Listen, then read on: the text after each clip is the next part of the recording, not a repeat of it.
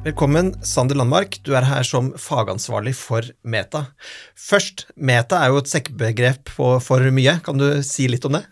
Yes, uh, Metaplattformene utgjør uh, bl.a. Facebook, Instagram, WhatsApp, uh, Messenger med, med, flere, og har jo nå de siste par årene blitt, blitt samlet under én paraply.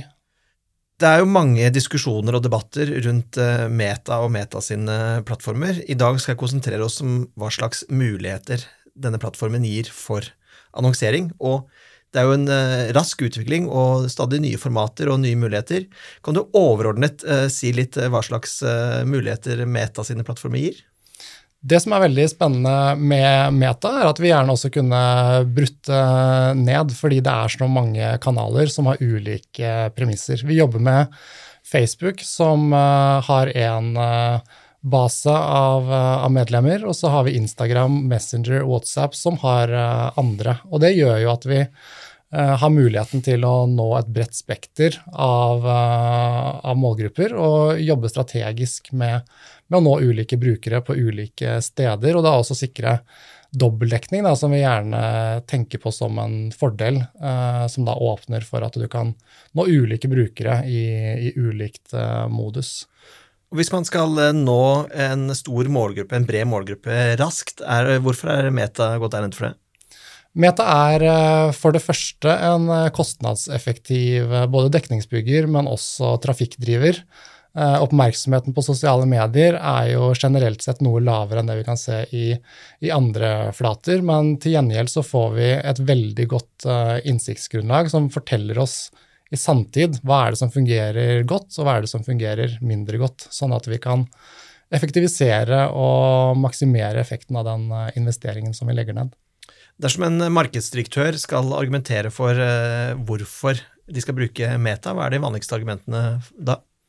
Veldig ofte så dreier det seg om å befinne seg på de kanalene som målgruppen er, naturlig nok. Men det som er et viktig supplement til det, er at vi ikke bare må være på de kanalene som målgruppen befinner seg på, vi må også distribuere innhold som er i tråd med det de har lyst til å se. Eh, så hovedargumentet her er at vi har en flate hvor vi finner eh, målgruppen. Vi kan nå dem i forskjellige flater eh, innenfor det samme kampanjeoppsettet. Og vi har et stort mulighetsrom for å være kreative da, når vi har dette reels-formatet. Vi har Instagram og Facebook Stories, og vi kan finne mange kreative løsninger for, for, annonseplassering. Men Hvordan er det dere legger opp en type kampanje for en annonsør? Altså, du nevner ulike formater, ulike flater, ulike målgrupper. Jeg skjønner at ikke du kan gå gjennom hele prosessen, men mm. kort fortalt?